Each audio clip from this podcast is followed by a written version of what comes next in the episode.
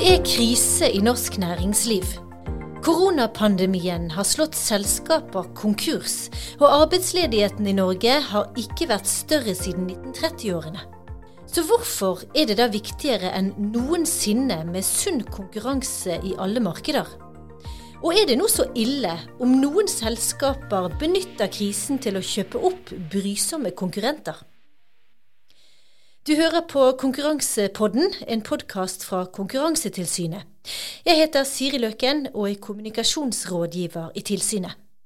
Vi har gjort om studioet vårt her i Konkurransetilsynets lokaler, og vi sitter nå på et av våre mest romslige kontorer med godt over to meters avstand. Konkurransedirektør Lars Sørgaard, det skal være i henhold til retningslinjene, dette? Ja, det er riktig det. Aller først, eh, hvordan syns du det går med Konkurransetilsynet nå under koronakrisen? Det går etter forholdet veldig bra. Eh, vi har òg merket en veldig eh, dramatisk endring fra midten av mars. Eh, husk at tirsdag 10.3 så var jeg i møte sammen med noen kollegaer i Oslo. det var tilnærmet normalt, men ingen håndhilsing. Og så to dager etterpå så var det nedstenging av det norske samfunnet. Og vi gikk alle på hjemmekontor, så vi, vi har opplevd en dramatisk endring. Men det, det går etter forholdet bra. Ja, Hva innebærer dette for kapasiteten vår?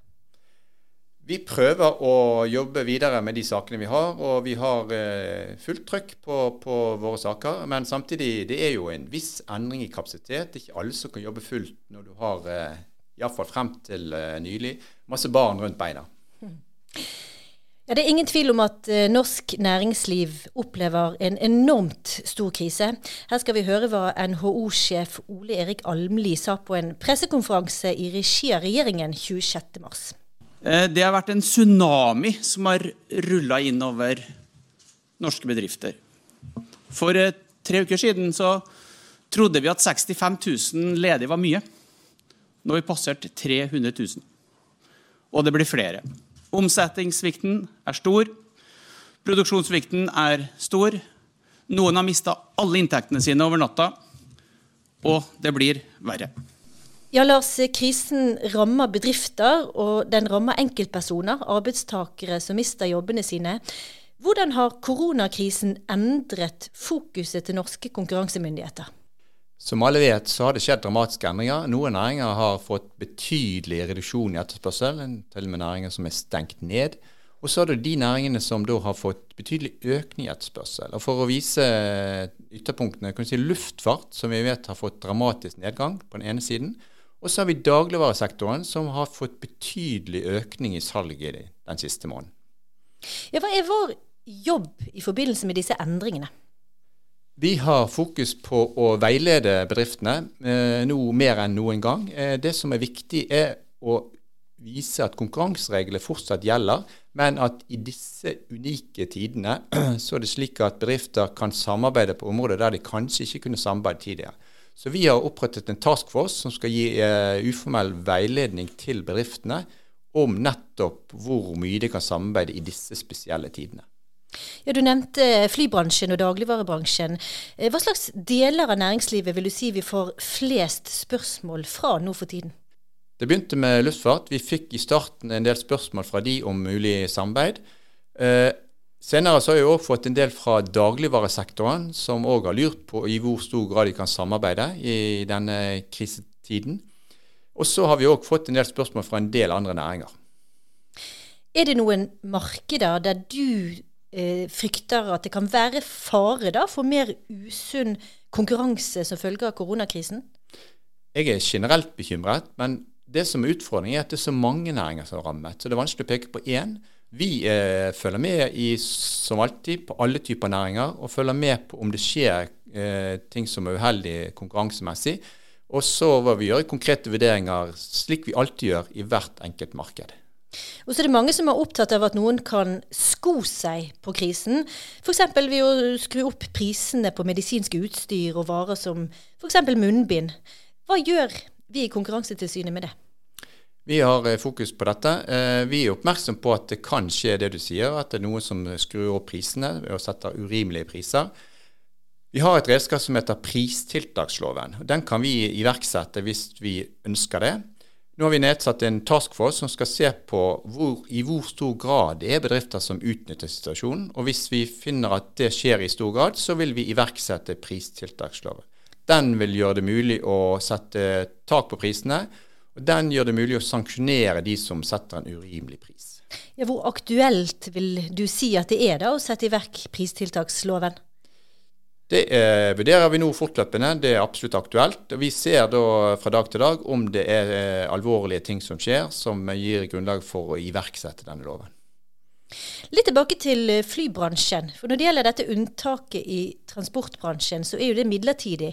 Men kan man se for seg langsiktige konsekvenser for konkurransesituasjonen i flybransjen? Det er et uh, tre måneders unntak, og det i seg selv er jo ikke så langt. Uh, og Dermed så kan vi vende tilbake til normalen om ikke så lenge. Men det som grunn, gir grunn til bekymring, er at de nå snakker sammen om ting som de ellers ikke snakker om, bl.a. ruteplanlegging. Og det kan de ta med i sine si, strategier fremover. Men samtidig er det lagt veldig klare føringer på hva de kan snakke om, og hvordan de skal snakke sammen. Så vi håper at dette blir bare en kortvarig effekt. Og den kortvarige effekten er at vi da klarer å opprettholde rutetilbudet i Norge. Og så er det jo eh, noen markeder vi i Konkurransetilsynet er spesielt opptatt av. Vi kan særlig nevne dagligvarebransjen, der det i Norge er få og store aktører. Koronakrisen har ført til en diskusjon om hvorvidt det er riktig å gjennomføre priskrig og tilbudskampanjer nå. Hva mener du? Vi observerte at det var én kjede som gikk ut og sa at nå var ikke det aktuelt med tilbud, eh, og de ønsket å avblåse den si, tilbud og kampanjer. Vi reagerte på det og gikk ut og sa at dette skjønte vi ikke. Det kan ikke være grunnlag for dette ut fra smittevernhensyn. Så derfor så sa vi at vi ikke hadde forståelse for den type atferd. Ja, hva ville det medført for oss forbrukere, da, dersom alle tilbudskampanjer ble avlyst? Det hadde gjort det vondt verre for oss forbrukere. Det er galt nok med koronakrise og de eh, inngrep det gjør for oss alle. Men i tillegg, hvis vi måtte betale høye priser, så ville det vært eh, svært problematisk. Nå har det nå, etter den debatten startet, så har det jo skjedd ting. Eh, I den forstand at dagligvarekjedene nå har startet med kampanjer igjen. Det betyr at vi igjen kan nyte godt av tilbud på en rekke dagligvarer. Og så er det en eh, effekt som mange kanskje vi kan se av koronakrisen. Altså at mange bedrifter vil ønske å fusjonere. Og Hva er det som skal til for at vi i Konkurransetilsynet kan godkjenne det? Gjelder de samme reglene som før? De samme reglene gjelder som før. Dvs. Si at uh, vi griper inn mot, mot fusjoner som skader konkurransen. Og vi er spesielt oppmerksom på det nå, fordi vi er redd for at store bedrifter kan nå kjøpe opp mindre bedrifter som sliter. Og det vil vi gjerne da eh, se nøye på og stoppe hvis det viser seg at det er konkurranseskadelig på lang sikt. Vi har nå fått utvidet eh, fristene våre for fusjonskontroll. og Det gjør at det er mulig både for bedrifter og oss som myndighet å behandle disse fusjonene på en god måte. Kan vi jo nevne at vi har en eh, informasjonsside på våre nettsider, konkurransetilsynet.no, der vi har mer informasjon om bl.a. fristene. Tenker du at koronakrisen kan gjøre det lettere for store aktører å kjøpe opp små og kanskje brysomme konkurrenter som sliter nå under koronakrisen? Ja, absolutt. Dette er vi veldig oppmerksom på. Eh, vi opplever òg at andre land er oppmerksom på dette. Problemet er at eh, de store aktørene de kan ofte klare seg på en god måte, mens de små kan falle fra. Hvis de små faller fra og enda blir kjøpt opp av de store, så sitter vi tilbake med dominerende, mer dominerende aktører i markedet og mindre konkurranse i fremtiden. Det er dårlig nytt for oss forbrukere. Ja, Hva er det egentlig som er faren da med at noen bedrifter blir store og får en sterk stilling i et marked? Vi har erfaring fra USA i de siste 30 årene der det har blitt færre bedrifter i en rekke markeder. Det har ført til høyere priser, det har ført til større ulikhet, det har ført til mindre produktutvikling og i siste omgang mindre økonomisk vekst. Så dette dreier seg om hva vi må betale for varer og tjenester, og hva vi som samfunn kan ha av en økonomi å, å stole på. Det er ingen som vet hvor lenge ringvirkningene av koronakrisen vil vare. Men eh, norsk og internasjonalt næringsliv har jo opplevd store kriser før. Finanskrisen, dotcom-krisen og ikke minst enda lenger tilbake, de harde 30-årene. Vi skal snakke mer om hva vi i dag kan lære av feilene konkurransemyndighetene gjorde den gangen. Men først et lite tilbakeblikk. New York 1929. En by i vekst, preget av økonomisk fremgang. Opp gjennom 20-årene er det høy aktivitet på New York-børsen på Wall Street.